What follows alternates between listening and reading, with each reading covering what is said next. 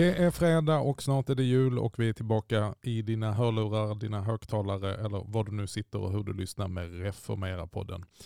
Jag som sitter här heter Magnus Persson, inspiratör på EFS Sverigeavdelning och samverkanssekreterare för Svenska kyrkan EFS. Och Reformera-podden är ett samarbete mellan tankesmedjan Reformera och missionstidningen Budbäraren och EFS Sverigeavdelning. Och här sitter jag i källaren på Johannelunds teologiska högskola med min gode vän och kollega och ämbetsbroder Mikael Rastas. Välkommen! Tack, tack! Kul att vara här. Du, eh, tänk att vi möts. Vi bor bara eh, 20 minuter ifrån varandra men får aldrig till det i Skåne. Men i Uppsala händer det. Det är där det händer. Vad gör du i Uppsala? Jag är eh, faktiskt ordförande i SALT som är EFS barn och ungdomsförbund. Och vi har styrelsehelg i helgen så Mm. vi pratar om viktiga frågor och eh, har det gött tillsammans. Och det är precis det jag tänkte att vi ska, vi ska hucka in i. Just det här med barn och ungdomar och inte minst unga vuxna. Men Ja. innan vi kommer så långt Mikael. Eh, hur är livet för övrigt? Du är ju då alltså präst i EFS-kapellet i Lund. Det är korrekt. Och du bor utanför Lund i Furulund. Exakt. Det är liksom håller ihop koncepten där. Precis, så är det. Eh, och jag har varit det i ungefär fem år nu faktiskt. Men Mm. just nu är jag pappaledig. Är det härligt att vara pappaledig? Det är härligt att vara pappaledig och man blir mycket tröttare av att jobba. Eller alltså man blir mycket tröttare än av att jobba menar jag. Ja, precis. För det, det, det är inte reglerad arbetstid på det samma sätt. Nej, det är inte reglerad arbetstid och det är heller inte riktigt så att det går att föra ett resonemang med den man jobbar med. Mm. Som med unga vuxna till exempel kan vi resonera med. Ja, fast jag vet många arbetsplatser där det är svårt att föra resonemang. Men vi ska inte gå vidare på det nu. Nej. Utan eh, vi ska alldeles strax komma tillbaka och prata om unga vuxna, den kristna tron och kyrkan.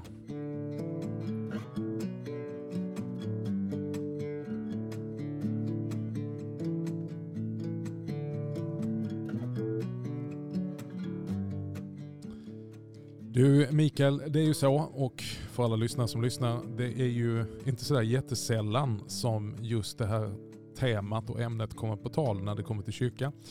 Vi talar om hur ska vi kunna få de unga att stanna i kyrkan som har varit med i kyrkan. Eh, barn, tonåringar finns och sen så kommer det en ålder där man kanske flyttar, studerar någon annanstans för jobb och så vidare. Och eh, Många undersökningar har ju kommit nu den senaste tiden som pekar på kyrkans, eh, jag kanske inte ska kalla det för oförmåga, men i alla fall ett resultat där, där, där många unga vuxna inte känner sig hemma i kyrkan eller tappar tron eller släpper sin tro. Jag tänker som både då ordförande för SALT, EFS ungdoms, barn och ungdomsförbund och eh, också präst i en kyrka som är så ovanlig så att den har nästan majoritet unga vuxna. Om vi börjar med, med, med, med er kyrka, berätta hur det ser ut en vanlig söndag. Ja, men en vanlig söndag så firar vi gudstjänst klockan fyra och eh, vi brukar vara mellan 50 och 60 personer kanske. Eller mellan 45 och 60, lite Mm. beroende på. Och eh, jag är så dålig på att uppskatta procent, men, men de allra flesta är ju vad som du säkert skulle kalla för unga vuxna. Men jag har ju varit hos dig några gånger Ja. på diket och då skulle jag säga 90% är ju, är ju precis den åldersgruppen som vi talar om. Ja, det skulle jag säga om det inte är mer många Mm. Ja. söndagar faktiskt. Ja. Eh, så är det. Och det är ju en jättestor förmån att få, få ha så många unga vuxna härliga människor att samarbeta med och, och jobba med och, och få vara med och se hur de växer och på olika sätt går vidare i livet. Vad, vad, vad gör du själv för någon analys Mikael? Du har varit där i fem år. Eh, varför tycks unga vuxna trivas i EFS-kapellet i Lund? Jag tror delvis att svaret är så enkelt att det beror på att det finns många unga vuxna där. Så då Mm. blir det som en slags, Unga vuxna drar andra unga vuxna. ja lite så tror jag Mm. att det är. Mm. Eh, och sen så måste det ju rimligen vara någonting med, med formen och hur vi arbetar som folk gillar. Jag tänker att någon gång började ju, eh, innan det fanns unga vuxna, så började det med att unga vuxna kom dit. Så måste det vara. Eh, och jag, jag tror att eh, vi har gått nästan mer, jag, jag tror att det, det är större andel unga vuxna i, i EFS-kapellet nu än vad det var för ett antal år sedan. Mm. Eh, och så. Och jag vet inte om jag har en jätteskarp analys på varför det är så. Eh, men jag tror att när jag talar med folk, så det som man verkar uppskatta är ganska mycket hur gudstjänstformen är och Mm. eh, vilka, vilka uttryck som finns. Mm.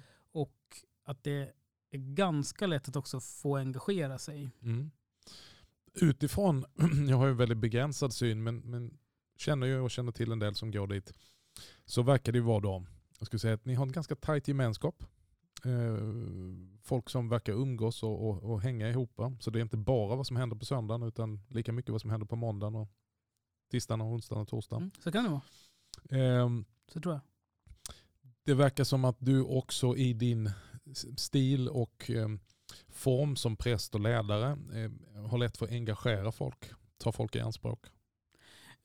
Det var fint sagt. Jag mm. hoppas att det är så. Mm. Ja, men det, Ehm, det ser man ju. Jag har ju ja. varit med några gånger som sagt. Och det är ju väldigt många, du är en, är det du och någon till Nej, anställd? det är ju bara jag. Ja, för då är det ju fullt med folk i det här förberedelserummet Mm. och alla är unga vuxna som Mm. har ansvar för både det ena och det andra. Ofta Mm. stort lovsångsteam och Ja, jag, jag är jättetacksam. Mm. Jag håller inte, känner inte att jag håller på att tjata på folk och säger nu måste du vara med i det här. Nej. Det, det, det händer och jag är jättetacksam att jag får vara med bara. Liksom. Ja, och, och många, många, många med, med väldigt tydliga gåvor och flera Mm. stycken pr- präststudenter. Mm, mm, det är ett helt gäng. Det, är ju, det måste vara en, är det en fördel eller är det jobbigt? Eh, Jag tycker att det är en fördel. Mm. Eh, Jag är väldigt glad eh, över det. Mm. Och, och jag tänkte att när, när jag kom dit så tänkte jag så här, här är nu Lund studentstad, mycket teologer, säkert många från Credo, de är säkert assmarta så jag måste Mm. vara väldigt smart Mm. eh, och predika väldigt smart. Men jag inser att det är, det är samma evangelium och samma liksom, det är självklart. Mm. Eh, Men ibland är det också det enkla som kan vara eh, vägen fram. Ja, och kanske också när man så intensivt lever i en universitetsmiljö Mm. så kanske man inte vill ha en föreläsning till på söndagen. Även om det behöver vara klokt och det behöver vara intellektuellt och redbart så, så kanske man, man, man gärna slipper klassrummet på det sättet på en söndag. Så tror jag absolut att det är. Och, och, och en predikan är ju inte en föreläsning. Det Exakt. är någonting annat. Och en gudstjänst är ju inte, alltså en gudstjänst är ju någonting mer än bara en predikan. Jag tror Mm. till exempel en sak som jag uppfattar att många uppskattar är att vi har- firar mässa Mm. i princip varje söndag. Mm. Ja, det, det, jag tror också det. Eh, men du, om vi, om vi ska titta lite grann. Eh, jag tänker att du kan det här utan till. Jag säga, nej jag skojar. Men det har ju kommit de här undersökningarna som har gjorts nu då om unga och unga vuxna och kyrkan och den kristna tron. Och som eh, drar ut lite intressant läsning. Eh, Jag tänker att det där är ju intressant för dig också som ordförande för SALT. Mm. Eh, Vad tänker ni om detta? Och vad gör ni för några Vill du säga någonting om vilka undersökningar du tänker på eller vilka resultat du tänker på? Nej, men jag tänker på den här som kom, presenterades nu i höst. Nu har jag glömt ru- rubriken på den. Eh, Fredrik Venell. Mm. Kommer du ihåg vad den hette? Jag kommer inte ihåg vad hette- hette just nu men jag vet vad du menar. Ja, ja. Eh, vi behöver inte djupdyka i den utan tänka på hur, hur, hur tänker ni? Vad är det vi som kyrka behöver göra? Vad är det vi missar när vi missar de unga vuxna? Jag tror faktiskt att det kan vara så att vi har behöver backa Mm. eh, och tänka vad gör vi med våra tonåringar och ungdomar? Bra Eh, svar. Om du tänker, om vi tänker att unga vuxna är typ studentåldern och uppåt Ja. 30-årsåldern någonting, så skulle jag nog tänka det. Därför jag är orolig, och här måste jag ju rannsaka mig själv. Jag har ju gjort jättemånga tonårsläger och haft hundratals konfirmander och andra eh, på, på nyårsläger, mycket i den här byggnaden. Mm. Ehm, och så. Alltså Lötenkyrkan i Järnlund. Mm. Och här måste jag tänka, vad har vi egentligen förmedlat? Mm. Och jag tror att det kan finnas en risk att det ibland blir så att vi är så glada över att ungdomar är här och trivs så bra så att vi nöjer oss med lite för mycket yta Mm. och risken är då att erfarenheten av kristen tro är väldigt starkt kopplad till en gemenskapen, Mm. vilket såklart är bra, men kanske också starkt kopplad till liksom vissa typer av känslor eller vissa typer av, av stämningar och lägen och vissa typer av former. Mm. Och när man sen, det här, det här är min hobbyspekulation då, men, men när man sen blir lite äldre och kommer upp och inser att livet är inte så enkelt. Det är Mm. en sak vad Bibeln säger och vad liksom Mm. prästen predikar och vad jag fick lära mig på nyårsläget eller konfaläget. Men sen är livet inte så enkelt. Så tror jag det kan vara så ibland att vi, vi, vi har inte undervisat på ett sätt som ger redskap att hantera det. Mm. Och då kan man antingen falla i diket att man eh, försöker hitta ett sätt att undvika att ifrågasätta tron och då blir den väldigt bräcklig. Mm. Eller så kan man försöka hitta ett sätt där man bygger en starkare grund och där man tränar varandra på att tänka att en kristen tro intellektuellt håller ihop. Mm. För här kan jag också se, ibland så, så kanske vi inte har gett det djupet. Mm. Därför ibland så kanske det finns människor som är väldigt skarpa och smarta och har bra jobb och skickliga. Men där man inte riktigt har samma nivå av skicklighet och i, i liksom intellektuellt bearbetning kring, Mm. kring tron. Mm. Den risken finns. Så jag tror nästan att man ska börja tänka kring just vad gör vi när personer är yngre? Ja. Så att de har redskap att hantera när livet blir svårare. Mm. För du är ju ännu äldre än vad jag är. Du är ju nästan en gammal man. Men, Rub it in. ja, men jag som bara är, är, är 40 plus. Eh, så, så, så tänker man ju delvis att jag upplever att ju äldre jag har blivit, desto mer har jag insett att saker och ting har väldigt många nyanser. Mm. Och Mm. då måste jag ha, ha redskap att hantera det. Mm. Om jag som kristen och, och lärjunge inte kan hantera komplexitet Mm. Så blir det ett problem. Mm. Och då är risken stor att jag tänker kristendomen håller inte för de här komplexiteterna som jag upplever i mitt Mm. liv. Så förmodligen så är det inget för mig. Ja, men jag tror du, i, i, i båda dina grejer här ehm, så tror jag att du, du, du är helt rätt ute. Jag är väldigt glad för att du säger det.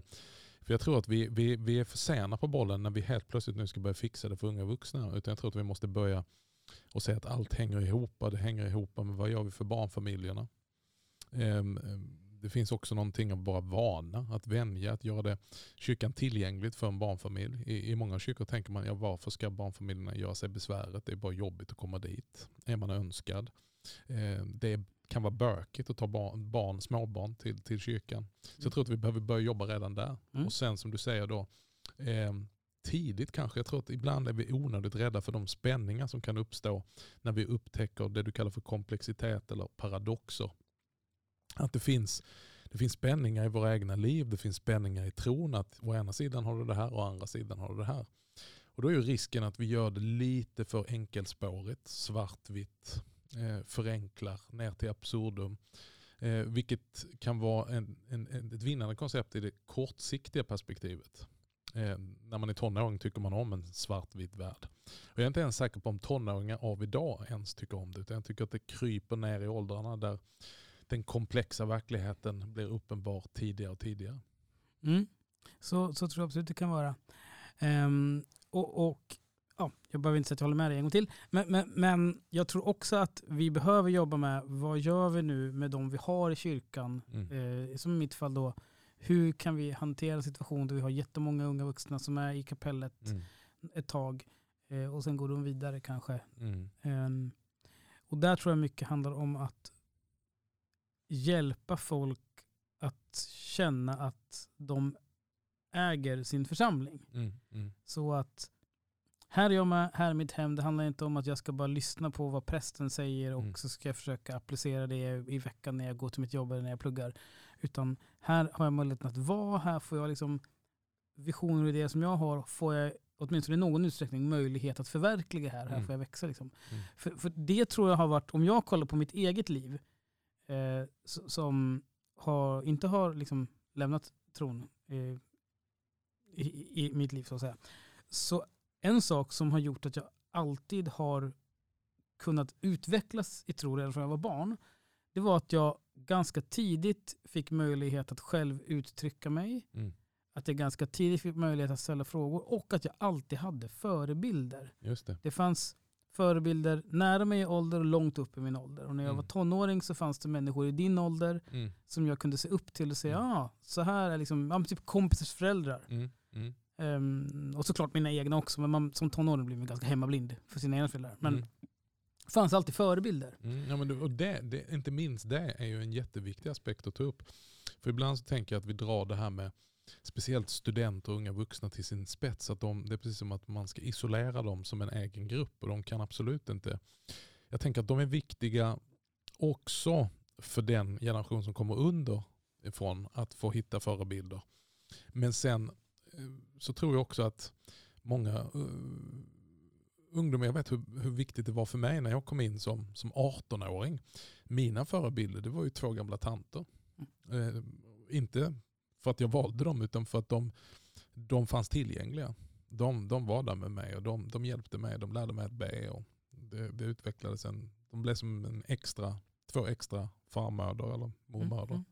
Och sen är det ju också så att alltså, en församling det, det, är en brist om en församling bara består av en viss typ av kategori människor. Mm. Eh, utan det ska vara både unga, gamla män, kvinnor, liksom fattiga, rika, olika, olika bakgrund och så olika etniska ja. grupper. Precis. Och, och, det här kan ju ibland frustrera mig att vi, vi är så otroligt duktiga, eh, duktiga eh, inom situationstecken. Jag tycker inte det är bra. Jag kan förstå det ibland men att vi, vi delar upp oss i så oändligt många grupper. Ehm, man kan ju vara i en barn, det kan finnas fantastiska barngrupper men de är så bra så att du isolerar barnen från själva mässan och gudstjänsten. Och då tror jag att man kan bygga bort barnen. Jag tror att man ska jobba på att se vilka delar är det viktigt att vi har barnen med i mässan så de blir vana vid flergenerationsförsamlingen. Mm. Eh, likadant internationella grupper, att ja, men de har sin grej där. Och ja, visst, det kan ju behövas någonting. Det är ju bra att vi har det på olika språk, men jag drömmer ju lite grann om att få se hela kyrkan tillsammans. Mm. Eh, och, och, det är ju såklart en klyschig sak att säga, men det är verkligen så. Mm. Det, det, är så en församling ska mm. eh, fungera. Och där vet jag inte om jag har några bra svar på hur man åstadkommer det. Mm. Men, men, om vi, vi, vi bollar över till, till SALT då. Ni har suttit med, med styrelse och du ska inte berätta vad ni talar om. Men, men hur tänker SALT, vad kan SALT göra? Som, som, och vad, vad satsar SALT på idag för att nå nästa generation? Jag tror att vi är ganska ense om att vi behöver jobba mycket med relationer. Mm. Det, det, som är vägen framåt är inte enbart att producera material, mm. även om jag tycker SALT har varit väldigt bra eh, på att producera bra material. Liksom, mm. och, och EFS har varit bra på att ge ut liksom, böcker och många sådana mm. saker. Um, vissa som du själv har skrivit också ju. Uh, men jag tror att det är relationer och liksom, ja, någon form av mentorskap, mm. att man lär känna varandra och dela tron och växa tillsammans. Någonstans mm. där tror jag nycklarna finns. Mm. Jo men det, ordet behöver ju bli kött och blod och ta någon sorts fysisk mm. gestalt i en kropp som, som kan bli lite mm. så här medvandrare genom livet. Mm. Ehm, det är ju underbart med material och böcker och allting men, men det finns ju ingenting som kan ersätta den här konkreta gemenskapen och relationen där man kan bolla tankar. Jag tänker på ett ord som, som dyker upp väldigt mycket även i vårt land men också internationellt. Det här är ju en fråga som inte bara är typiskt svensk utan över hela världen diskuterar man detta. Jag var i USA för ett tag sedan och då talar man det här om deconstruction, alltså man bryter ner vad man har lärt sig. Mm. Men visst används deconstruction ibland också så, som att man också lämnar tron. Ja, är vad man menar med det. Det är ofta det som blir följden av det, att man mm. dekonstruerar. Mm. och, och jag tänker så här, ja fast det, det, finns ju någonting, men jag skulle vilja byta de första två, eller egentligen bara den första bokstaven istället för rekonstruktion. rekonstruktion. Mm. Eh, att, eh, att man inte ska behöva vara rädd för det. Att eh, ibland behöver tron rekonstrueras. Mm. Och det bygger på att sådana som du och jag, som är präster eller pastorer och ledare, eh, vågar sätta oss ner med människor och tillåta oss att bli ifrågasatta. Mm. Eh, och ifrågasätta tron, alltså inte sådär uppmuntra otro, mm. men uppmuntra att faktiskt bryta ner tron mm. i beståndsdelar och inte vara rädd mm. för det. Precis. För söker vi ärligt Jesus så kommer han att vägleda oss. Såklart, för eftersom att han har sagt det. Um, så jag håller verkligen med om det. Och, och, och, jag tror delvis, när jag kollar på det, finns ju många kända personer från USA eh, som har varit ganska offentliga med sin dekonstruktion. Mm. Tänker på Joshua Harris mm. som skrev flera böcker. Mm. Eh, tänker på han, vad heter han? Jag har glömt bort namnet. Rob, Rob Bell. Eh, har Robell också lämnat tron? Nej, det vet jag inte. Det ska inte jag uttala mig om. Men han har väl gjort någon form av, i alla fall, dekonstruktionsresa. Ja, jag har många tankar om Robell, men, men strunt i det. Mm. Eh, det var någon, han har skrivit många lovsånger som vi sjunger idag också som har, har dekonstruerat. Mm. Och när jag ser på vad det är som de på sina Instagram-posts tar upp Mm. så är det frågor som får mig att tänka här kan de inte varit i ett sammanhang där man samtalar på intellektuell nivå. Nej, precis. För- du, för det var- du säger det- det finns svar på det här. Liksom. Ja, jag, jag, Mm. jag, jag upplever, jag vill verkligen inte låta dryg, Mm. men jag upplever att det är sånt här som, som vi tar på konfirmandlägren. Mm. Mm. Eh, upplever jag det som. Och jag vill verkligen inte låta som att nej, jag är mycket smartare än alla andra. Men, men, men, men det är verkligen, jag, jag, jag får, det får mig tänka att här har man varit i miljö där man inte har uppmuntrats att ställa frågor Mm. och samtala och vrida och vända på saker och ifrågasätta. Mm. Utan kanske att man har förväntats få de här svaren. Mm. Därför att så här är våra kulturer och det är så här vi Mm. tänker. Ehm, så, så det gjorde mig ledsen när jag läste, eh, när jag läste om de här med, Mm. med ganska kända personerna. Eh, faktiskt. Nej, men det, det, det, det, det, det är ju nog ändå så att eh, det kan finnas en lockelse, speciellt om du är upptagen efter snabb tillväxt och bygga någonting stort. Så, så ser vi också ute i samhället idag att det, det, det, det är många som är väldigt öppna, stora grupper som är öppna av förenklingar av verkligheten. En svartvit förenkling att så här är det och så skapar man sina, sina kluster och sin filterbubbla. Vi ser det i de politiska rörelser som sker och skiftningar. Eh, att det är en svartvit förenkling av verkligheten. Och så är det någon som säger ja, men där är, där är någon som säger hur det är. Mm. Fast man egentligen bara beskriver kanske en liten bit av saker och ting. Mm. Och för att man är också rädd för vad spänningar kan göra i ett sammanhang. Vi, vi, vi, vi ser ju det i vårt land. Hur ska vi hantera olika spänningar istället för att bara ställa sig att det där är rätt och det där är fel. Så kan vi komma i det här läget att ja, men det finns, det finns någonting i det här på den här sidan som vi behöver ta på allvar och som vi inte bara kan tysta. Och samtidigt som vi inte kan överge det som finns på den här sidan. Och hur kan vi hitta en, hur detta helas och försonas som två sidor av samma mynt om du förstår vad jag menar. Mm. Så är det. Och ibland så måste, kan man också konstatera att okej, det är inte samma mynt vi har här. Mm. Och då kan det få vara så. Vi, vi måste inte vara överens om, om Mm. allting. Mm. Så. Men jag, ja, jag, håller med om det. Eh, och, och det beror på vad du menar med spänning. Mm. Men, men, men spänning eller att något är svårt eller att det finns delar av tron som, som tycks vara svåra att kombinera och så Mm, tycker vi mm. olika. Mm. Alltså- alltså det spänning det är- behöver inte vara farligt. Nej, tvärtom. Jag menar ju att det, det är positivt. En plus och en minuspol Mm. skapar ju en spänning. Men den Mm. spänningen är vi väldigt tacksam för, för den ger kraft. Mm. Den skapar energi. Mm. Ehm, eh, men ibland så, så kan vi, kan vi liksom hamna i det här läget att nej, nej, nej, men åh vad jobbigt, nu kommer de med sin minuspol här, vi kör bara pluspol. Ja, men det blir ju ingen kraft i det. Eh, och där får man ju ständigt eh, själv, eh, får jag i alla fall, liksom rannsaka mig och, och se till att jag inte förkastar någonting för att det är lite ovant för Mm. mig. Jag tänker, Mm. vad kan jag lära mig här? Mm. Och det förutsätter ju en trygghet i sig själv. Mm. Eh, för jag tror att det är när man saknar den som man blir, risken är att man liksom bara stålsätter sig och inte klarar av komplexiteten.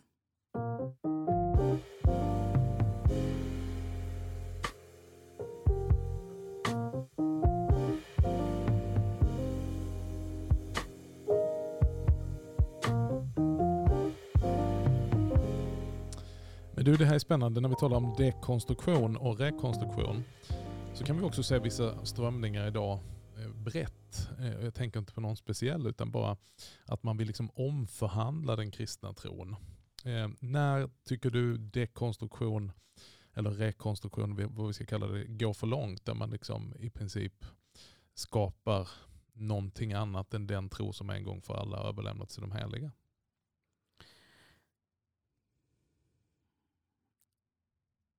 Ja, alltså som sån här um, luthersk teolog så kan jag ju bara svara när man går ut för Bibeln. Mm. Eh, men det är frågan, när gör man det då? Mm. Ja, men jag skulle säga att när det blir ett annat evangelium Mm. och när det blir en annan, eh, en, ett annat budskap Mm. än det som faktiskt vi har anförtrotts. Mm. Och, då, och, det, och det, det, betyder, det intressanta med det är att det där är, det går inte enbart att sätta en, en, en jätteskarp tydlig gräns för exakt vad det är. Utan vi måste leva med att jag kan se här borta ehm, att det, där är något annat än kristen tro. Mm. Och så kan jag säga här är centrum, det här är kristen tro. Mm. Men jag kanske inte kan säga exakt vilken millisekund som något upphör att vara kristen tro. Mm. Därför det är lite, jag menar inte relativt, men det går inte att säga exakt så här är det i alla avseenden. Mm.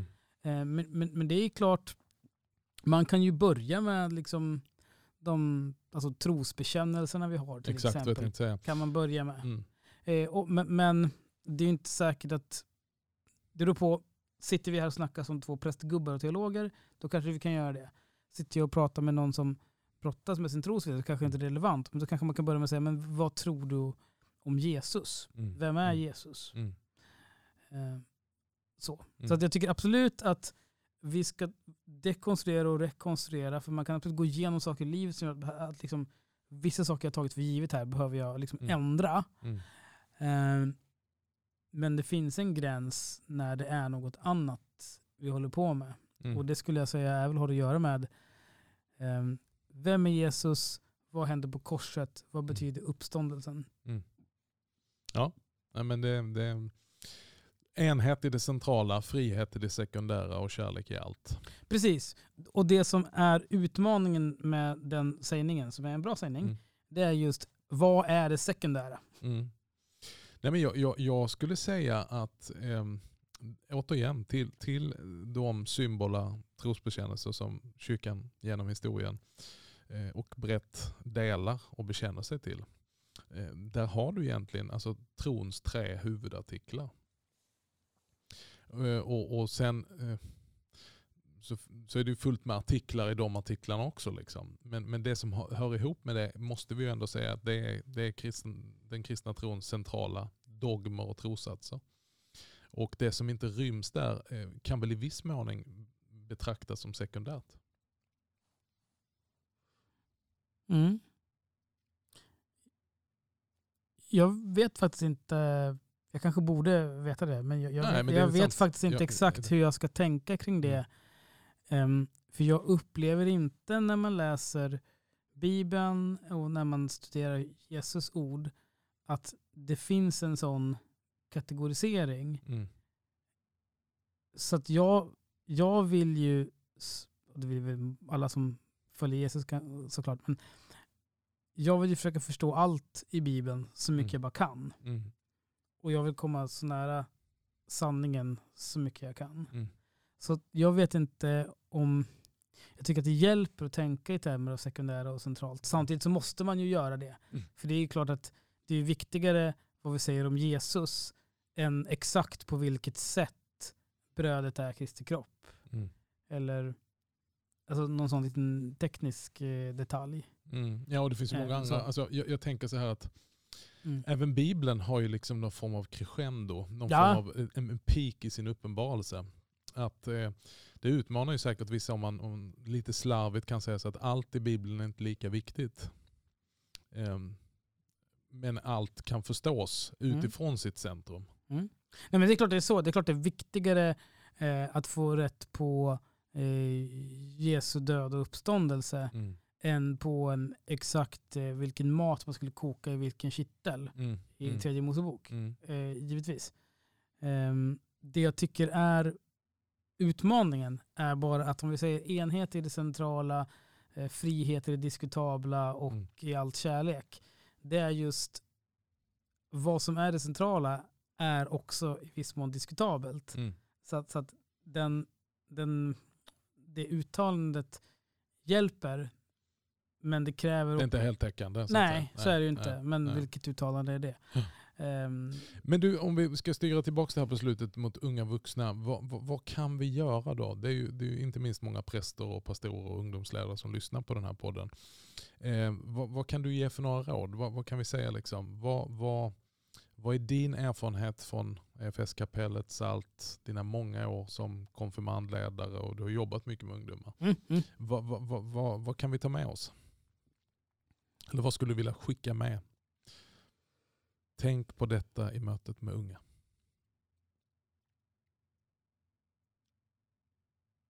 Mikael mediterar just nu. Mikael funderar på hur han ska lägga sina ord så att de blir begripliga för någon annan som inte är i hans hjärna. Mm. En utmaning, okej, jag ska försöka formulera mig inte så långrandigt. Jag har behövt lära mig att fråga mig mindre hur ska jag lägga ut det här så det blir begripligt och mer tänka vad är det Gud säger i, med det här i sitt ord Mm. och konkret vad är det Gud vill göra vid det här tillfället Mm. när jag ska tala Mm. om det är det jag ska göra. Mm. Och i mötet med ungdomar Mm. så tycker jag det viktigaste är du måste lära dig att genuint älska dem du leder. Mm. Och med älska menar jag det Bibeln menar, inte att jag känner mig så uh, utan alltså på riktigt Mm. bry mig om dem. Mm. På riktigt vara redo och ge Mm. dem tid. Mm. Du kan inte bara träffa dem när ni är i kyrkan och liksom leverera ett budskap. Mm. Utan du måste vara beredd att finnas där. Du måste vara beredd att åka till McDonalds med dem eller vad det nu är de vill göra. Mm. Eller så, så du måste ge tid och, och, du- du- och ungdomar behöver få uppleva att han vill vara här. Mm. För vill du inte till exempel vara på ett konfaläger egentligen så är det ingen idé att du är det för att vara snäll Mm. mot din chef. Mm. Eh, Så. Som, som präst menar du? ja, som präst Ja. menar jag. Eller vad du nu gör Mm. som ledare. Mm. Mm. Ehm, Så att, mm, fråga dig inte lika mycket exakt vad du ska säga och göra, utan fråga dig vad säger och gör Gud Mm. just nu, just här i den här texten, i det här rummet. Mm. Och bemöda dig mig, ge tid till ungdomar och lär dig att genuint älska människor. Och det kan du bara göra om du inser att du är kallad till korset, kallad till Jesus och sen sänd Mm. dit du tjänstgör. Mm. Den ordningen är viktig. Fint, det är bra. Jag tänkte när du började tala på de första lärjungarna. De är ju faktiskt ett gäng av de första lärjungarna till Johannes döparen och hänger med honom. Och tänker väl att det här är ju grymt att få vara med Johannes döparen. Och en dag så kommer Jesus gående. Och då har han den här otroligt starka förkunnelsen för den som är insatt i hela messias-väntandet eh, och judisk historia och förkunnelse. Se Guds lam som tar bort världens synder. Det är det han säger, han pekar på Jesus. Och helt plötsligt så är det ett gäng unga killar som börjar följa efter Jesus. Och de går efter honom. Vi kan läsa om det i Johannes första kapitel. Och Jesus helt plötsligt vänder sig om och säger dem och säger, vad vill ni? Och de svarar, var bor du? Och då säger han, följ med och se.